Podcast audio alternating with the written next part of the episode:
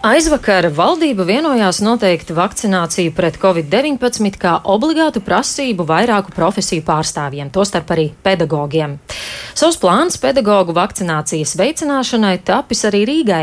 Par šo plānu, kā arī par citām ar galvaspilsētu šobrīd saistītām aktualitātēm, studijā sarunāšos ar Rīgas mēru Mārtiņu Staķi no attīstībai par. Labrīt! Labrīt! Rīgas mērs šorīt studijā klātienē, jo mums abiem ir Covid certifikāti un ievērojam visas epidemioloģiskās prasības. Rīga ārkārtējās situācijas laikā bija tā pašvaldība, kur klātienes mācības nenotika visilgāk. Kāds tad ir plāns, kā mudināsiet pedagogus vakcinēties, lai šāds scenārijs vairs neatkārtotos? Jā, nu, pagājušais gads parādīja, ka cietuši ir gan vecāki, kuriem ne tikai jādara savi darbi, bet arī jābūt mājaskolotājiem. Cietuši ir bērni, īpaši no nelabvēlīgām ģimenēm, kur skolas bija liels atbalsts, un, protams, arī skolotāji, kuriem nodrošināt mācību procesu, kur bērni nav vienā klasē, ir ļoti, ļoti grūti. Tāpēc uh, mums ir nu, viennozīmīgi sapratne, ka nākamajā gadā, 1. septembrī, jau šajā skolām jābūt atvērtām un laika mums ir palicis pavisam maz. Mēs šobrīd redzam, to, ka apmēram 57-58% pedagoģi ir vakcinējušies, apmēram vēl 15% pēc mūsu aptaujas ir gatavi vakcinēties, bet tas nav šie 80%, ko ir pateikusi Izglītības un zinātnes ministrija. Tādēļ mūsu plāns paredz to, ka, ja valdības teiksim, lēmums par obligāto vakcināciju teiksim, tāds kā pātagas princips, tad mēs kā pašvaldība vairāk domājam par šo burkāna principu. Un kāds tas būs? Princips principā ļoti vienkārši ir. Mēs tikāmies ar skolas direktoriem, un es skolas direktoriem piedāvāju šādu variantu. Ja skolas pašas brīvprātīgi sasniedz šo 80% vakcinācijas procentu skolā, tās saņem garantētu balvu no Rīgas domas. Izjūt no tā, cik liela ir šī mācība iestāde - 10 tūkstoši, 7,5 tūkstoši vai mazāk 5 tūkstoši. Kopumā mēs šim esam gatavi attēlēt pusotru miljonu. Un tādā veidā var šo naudu izmantot skolas labiekārtošanai, skolotāju kvalifikācijas celšanai, varbūt kā tehnisko līdzekļu iegādēji. Ja vēlās kaut vai prēmiju izmaksai, tas jau ir šajā gadījumā jau ir skolas lēmums. Man svarīgs ir rezultāts. Un, ja mēs šādā veidā līdz nu, noteiktam datumam, septembrī, panāktu šādu rezultātu, es domāju, tas viss būtu tā vērts. Rīgas doma šo pusotru miljonu ir atradusi no kādām rezervēm? Nu, mūsu rezerves fonds ir tieši tam paredzēts, lai mēs tiktu galā ar epidēmijas situāciju. Manuprāt, šeit ir konkrēts mērķis un konkrēti arī attaisnojami līdzekļi, lai tam to tērētu. Protams, tā kā direktori to ir, ir, ir, ir apstiprinājuši, vēl man jādabūna arī deputātu atbalstam. Ir. Tā kā šobrīd es teiktu, tā man mandāts ir doties uz komitejām un runāt par šo jautājumu. Es domāju, ka deputāti to atbalstīs. Un šeit nav runa tikai par tādām finansiālām balvām. Skaidrs, ka mums jānodrošina arī cits atbalsts. Un tur būs vēl plaša programma. Mēs esam gatavi doties uz skolām un vakcināciju nodrošināt tur uz vietas. Tie ir informatīvie materiāli, tie, protams, ir dažādu līderu, arī uzrunas skolotājiem, skaidrošanas arī vecākiem. Tas būs tāds liels komplekss pasākums ar mērķi vienu. Vai visi Rīgas skolu direktori ir vienisprātis un atbalsta šādu ieceri, un vai paši arī atbalsta vakcinēšanos? Um, Dažādi, teikšu, kā ir. Eh, ir kādas skolas, kuras faktiski šo balvu jau ir jau, jau saņēmušas, varētu teikt, kurām jau ir pat 90%, un ir tādas, kuras saka, ir grūtības, bet es ticu, ka šīs grūtības un šo pārliecināšanas procesu ir jāveic nevis kādam ministram vai pat eh, Rīgas mēram, bet tas tieši pašam kolektīvam. Viņiem ir jāvienojas, ko viņi vēlas 1. septembrī strādāt klātienē vai nestrādāt klātienē. Un, ja pagājušajā gadā mums šādi instrumenti nebija, lai mēs to nodrošinātu, tad šogad ir, un viņus var nosaukt vārdā AstraZeneca. Pfizer, Moderna, Jensen un tā tālāk. Tā kā šis ir drosmīgo lēmumu laiks. Laiks ir atlicis pavisam maz, patiesībā 5-6 nedēļas. Visu vēl var paspēt, mums jāstrādā, lai tas notiktu. Un kas būs ar tām skolām, kurām tomēr neizdosies nodrošināt šos 80%, tad tur sakos pedagoģa atlaišanas? Nē, eh, šī skola strādās pēc tikpat sarežģītiem nu, protokoliem, kā tas bija arī pēdējā gada laikā. Eh, atkal kombinētas mācības, dalītas, eh, attālināt, neattālināt, droši vien, ka tie būs testi un tā tālāk. Te vienkārši ir jāatbild mums pašiem, vai mēs vēlamies strādāt tā, kā mēs esam strādājuši iepriekšējo gadu, vai tomēr mēs gribam atgriezties eh, normālā iepriekšējā ritmā. Un atbildes ir trīs - vakcinācija, vakcinācija un vakcinācija. Nav šeit citu atbilžu. Kad Rīgas doma par to izšķirsies vai apstiprināt šo plānu? Koalīcija jau ir pozitīva, tā kā es teiktu, tā balss tam ir, bet mēs, protams, iziesim visu šo demokrātisko procesu caur komitejām, caur domu, tā lai tas viss būtu korekti, demokrātiski un pareizi. Un kad tas varētu notikt? Tuvāko nedēļu laikā mums faktiski šī kampaņa, kā jau teicu, jāsāk nekavējoties. Nu, šeit tā būs kāda ārkārtas komitejas sēde. Nu, Nākamā nedēļa jau. Vasara jau gandrīz pusē. Eh, Rīgā vēl viens no populārākajiem tematiem nenoliedzami šobrīd ir satiksmi regulējošie plastmasas eh, stabiņi uz brauktuvēm. Ir eh, daļa, kas ar tiem ir apmierināti, bet ir cilvēki, kas šādu pieeju neatbilsta, neatbalsta, jo mērķis tā kā ir cēls - gājēji drošība, satiksmes mierināšana. Tomēr sākotnēji šie stabiņi uzrādās diezgan pēkšņi un rīdziniekiem kā pārsteigums. Tas tā bija domāts? Bet šeit jānošķir divas lietas. Ir stabiņi, kur pilsētas vidē jau ir gadiem un lieliski pilda savu funkciju, vai nu norobežojot velo joslu, vai izceļot gājēju pārēju, un tā skaitā arī pilsētas centrā. Un es minēšu, ka te ir divas vietas - ģertrūdas ielā pie skolas ielas, kur ir tāda skola kā reiz arī, un tad, tad ir pārēja, kur, kur mēs esam sašaurinājuši, lai, lai, lai mašīnas ievērotu ātrumu, un tas pats, piemēram, ir Dzirnava ielā pie Marjot viesnīcas, kur ir Antonijas iela, kur ir daudz turistu, un arī tur vēsturiskā bruģī, sapcīt, šo stabiņu jau ir gadiem, un ar tiem viss ir kārtībā. Un tad ir īstermiņa stabiņi, kāda, piemēram, šobrīd ir Tērbats ielā. Un Tērbats iela tas notiek vasaras projekta ietveros, kuros mums ir paredzēts uz ielas izvietot skaistu puķpods, tā kā tas jau ir šeit vecrīgā izdarīts, un citās vietās velo novietnes.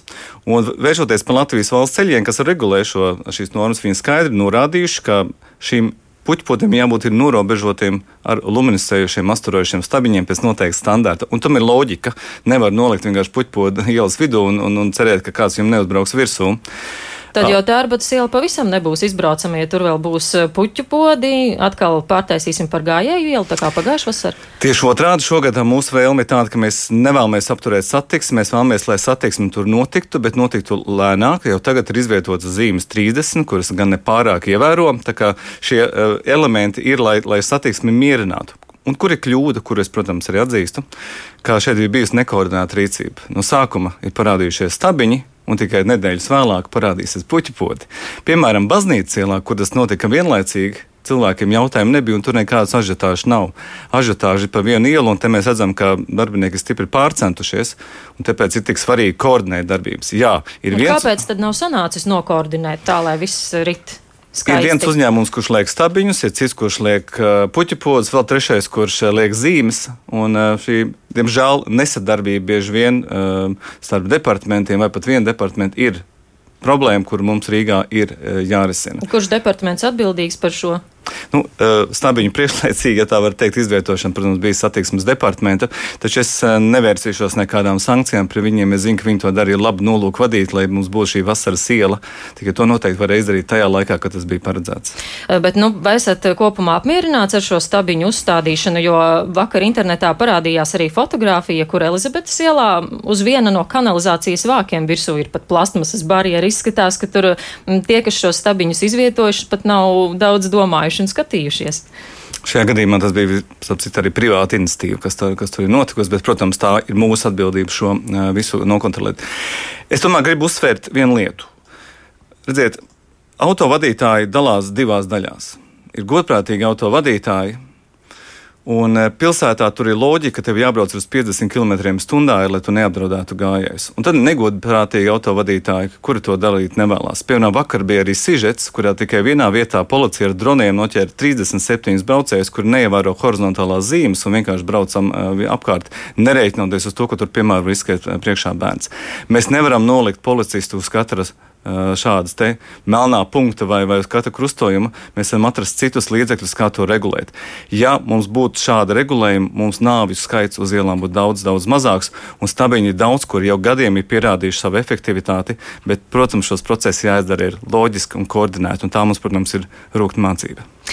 Jā, nu viena lieta ir jau jūsu pieminētā tērbatas iela, bet um, problēmas sagādā arī, piemēram, Bruņinieku iela, kur um, sūdzējies ir uh, operatīvais transports, tostarp arī neatliekamās medicīniskās palīdzības brigādes, kas esot uh, grūti piebraukt, uh, citiem autovadītājiem grūti palaist šos operatīvos transporta līdzekļus uh, pa priekšu, vai saredzat, ka arī šeit varētu kaut ko mainīt un risināt? Var mainīt un var risināt. Tikai mēs par šo tēmu vēl noteikti padiskutēsim ar, ar operatīviem dienestiem. Operatīvie dienesti, piemēram, man ir norādījuši, ka vēl lielāka problēma ir tieši automašīnas, kas ir pārblīvējuši ielas, pārblīvējuši ietves, kad vispār netiec klāt. Ziniet, tad jau stabiņš ir daudz mazāks šķērslis kooperatīviem transportam nekā automašīna, kur vienkārši tu nevari pavākt malā, nevar uzbraukt virsū. Tad šie stabiņi ir lokani. Tad, ja tu ar viņiem uzbrauc virsū, viņš mašīna nenodara nekādu skādi un pēc tam atliecās atpakaļ. Viņi arī nav tik dārgi, lai viņus arī samainītu. Bet Protams, jebkura pārmaiņa pilsētu vidē nāk līdzi ar debatēm, strīdiem, un bieži vien tas prasa laiku. Kā mums teica Gēla birojas, Skandināvijā tas katra šīs pārmaiņas prasa pat četri gadi un kamēr iedzīvotājs saprot, ka šīs īstermiņa grūtības patiesībā atsver ilgtermiņa ieguvumus. Un redziet, ja mēs skatāmies arī, kas ir tie, kas bieži vien par šo sūdzās, tad tie nemaz nav Rīgas iedzīvotāji. Tas, ko mēs esam saņēmuši mantojumā, ir faktiski iztukšots Rīgas centrs. 40% iedzīvotāji ir devušies prom, jo viņi vēlās arī dzīvot vidē, kur ir droši, klusi, kur nav bail savus bērnus izvest uz ielas, kur ar ratiņiem var tikt pāriet pa ietvi. Kāpēc, lai Rīgas centra iedzīvotāji nebūtu pelnījuši to pašu? Nu, sūdzējās jau arī operatīvo transporta līdzekļu vadītāji un, piemēram, neatliekamais medicīniskās palīdzības dienas. Kāpēc tad jau sākotnēji neizdiskutējāt ar viņiem? Kāpēc tikai tagad? Un tomēr arī operatīvais transports ar stabiņiem jau ir sadzīvojis vairākus gadus. Nav, šī nav jauna situācija. Uh, mēs Mēs arī uzņēmēji sūdzas bruņinieku ielā, ka nevar piebraukt pie, pie vārtiem, pie ārdurvīm. Es pilnīgi pieļauju, ka mums būs jāpārvērtē vairāk projektu, skaitā arī bruņinieku ielas šis posms. Tikai es noteikti būtu pret to, ka mēs vienu dienu uzstādām, tad nākamajā dienā raujam nos. Es domāju, tomēr ir vajadzīgs kaut kāds laika periods, lai izvērtētu, vai tiešām šo iebildumu ir tā, kā pirmajā brīdī liekas, varbūt pēc kāda laika jau liekas, ka īstenībā nekas sliktāk nepaliek, varbūt pat tieši otrādi paliek labāk, jo parādās jauni klienti, kur līdz šim šajā ielā nav bijuši, kur, piemēram, velospēdi pa šo ielu nekad nav braukuši. Tā kā dosim vēl nedaudz laiku, un es esmu atvērts šīm diskusijām. Kas tad, kāds ir plāns ar šiem stabiņiem turpmāk uz rudens, ziemas sezonu? Nāks atkal nokrišņi, kupenes iespējams, ko tad darīsim? Tārbats ielā šo stabiņu nu, noteikti nebūs. Tas ir tiešām vasaras ielas projekta ietvaros pārējās vietās pilsētā, kur šie stabiņi ir izvietojuši un sevi sev pierādījuši. To, tie tur paliks un pilsētas apsaimniekotiem vienkārši būs jāiemācās viņus apkopt arī tad, kad viņi tur ir. Tā ir prakse, kas ir ne tikai Rīgā, bet Cēsīs. Vairākās pilsētās Latvijā ir atrast risinājumi, būs jāatrod arī Rīgai. Eh, tas, ka Rīga kļūs mierīgāka, klusāka, eh, pilsēta ar tīrāku gaisu, tā ir mūsu apņemšanās pilnīgi visām koalīcijas frakcijām. Un sabiedriskais transports ērti varēs visur izgriezties? Jā. To līdz šim arī par to dažviet Rīgā nebija līdz galam padomāts Altanavas ielā, Torņa kalnā. Tur mēs šo kļūdu izlabojām diezgan operatīvi. Jā, tā tad arī turpmāk eh, skatīsieties, kur rodas kļūdas un labosiet. Bet, ziniet, nekļūdās tikai tie, kas neko nedara. Mēs darīsim, analizēsim kļūdas, labosim, bet eh, mēs panāksim to, lai centrs iedzīvotājiem būtu patīkamāks un ne tikai.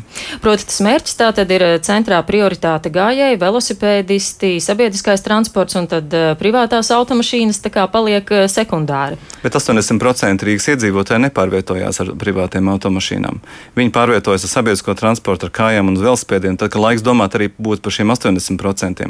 Un Rīgai nav jābrauc, jābūt vienkārši caurbraucamai, Rīgai jābūt tādai, kur ir patīkama vide. To es esmu solījis saviem vēlētājiem, un man jārūpējas jārūpējas par savas pašvaldības iedzīvotājiem, nevis par citu pašvaldību iedzīvotājiem, kuri gribētu, lai Rīga būtu vienkārši caurbraucama. Cik pati domas koalīcija ir vienota par šo jautājumu, jo Rīgas domas koalīcijas deputāts Valdis Gavars no Nacionālās apvienības arī pauda, ka nav ņemts vērā iedzīvotāju viedoklis un izplatīja arī atklātu vēstuli, vai nav jums tur savā starpā šķelšanās? Mums joprojām ir 39 deputāti, daži no tiem ir ļoti aktīvi, un es par to kopumā priecājos, ka deputāti aktīvi iesaistās. Lai gan, nu, jāsaka, godīgi šī akcija man liekas komiska, ja neteikt pat traģikomiska. Jo vākt parakstus par stabilu novākšanu visā Rīgā ir tas pats, kas vākt parakstus par to, lai palielinātos letālu gadījumu skaits. Kā jau minēju, 50 km/h un arī mazāk stundā ir tieši tam domāti, lai nebūtu avārija. Un arī es esmu zaudējis savu tēvu un veco tēvu pilsētā, kurā uzbrauc virsū automašīna, kur, ja būtu ievērojis satiksmes noteikums, nekas tās nebūtu noticis. Labi, mēs varam runāt par dažu stabilu novākšanu, kur tiešām ir, kurus mēs atzīstam, kur mēs esam uzstādījuši um, kļūdāju un arī labojuši, bet teikt, novācam tagad visus pilsētu un atgriežamies pie tā statistikas, kas mums bija 14. un 15. gadā, piedodiet, tas ir pat bezatbildīgi. Jā, nu tad skatīsimies, kā tālāk eh, notiks šī satiksmes regulēšana. Paldies jums Paldies. šorīt teikšu par sarunu. Mūsu studijā bija Rīgas mērs Mārtiņš Staķis.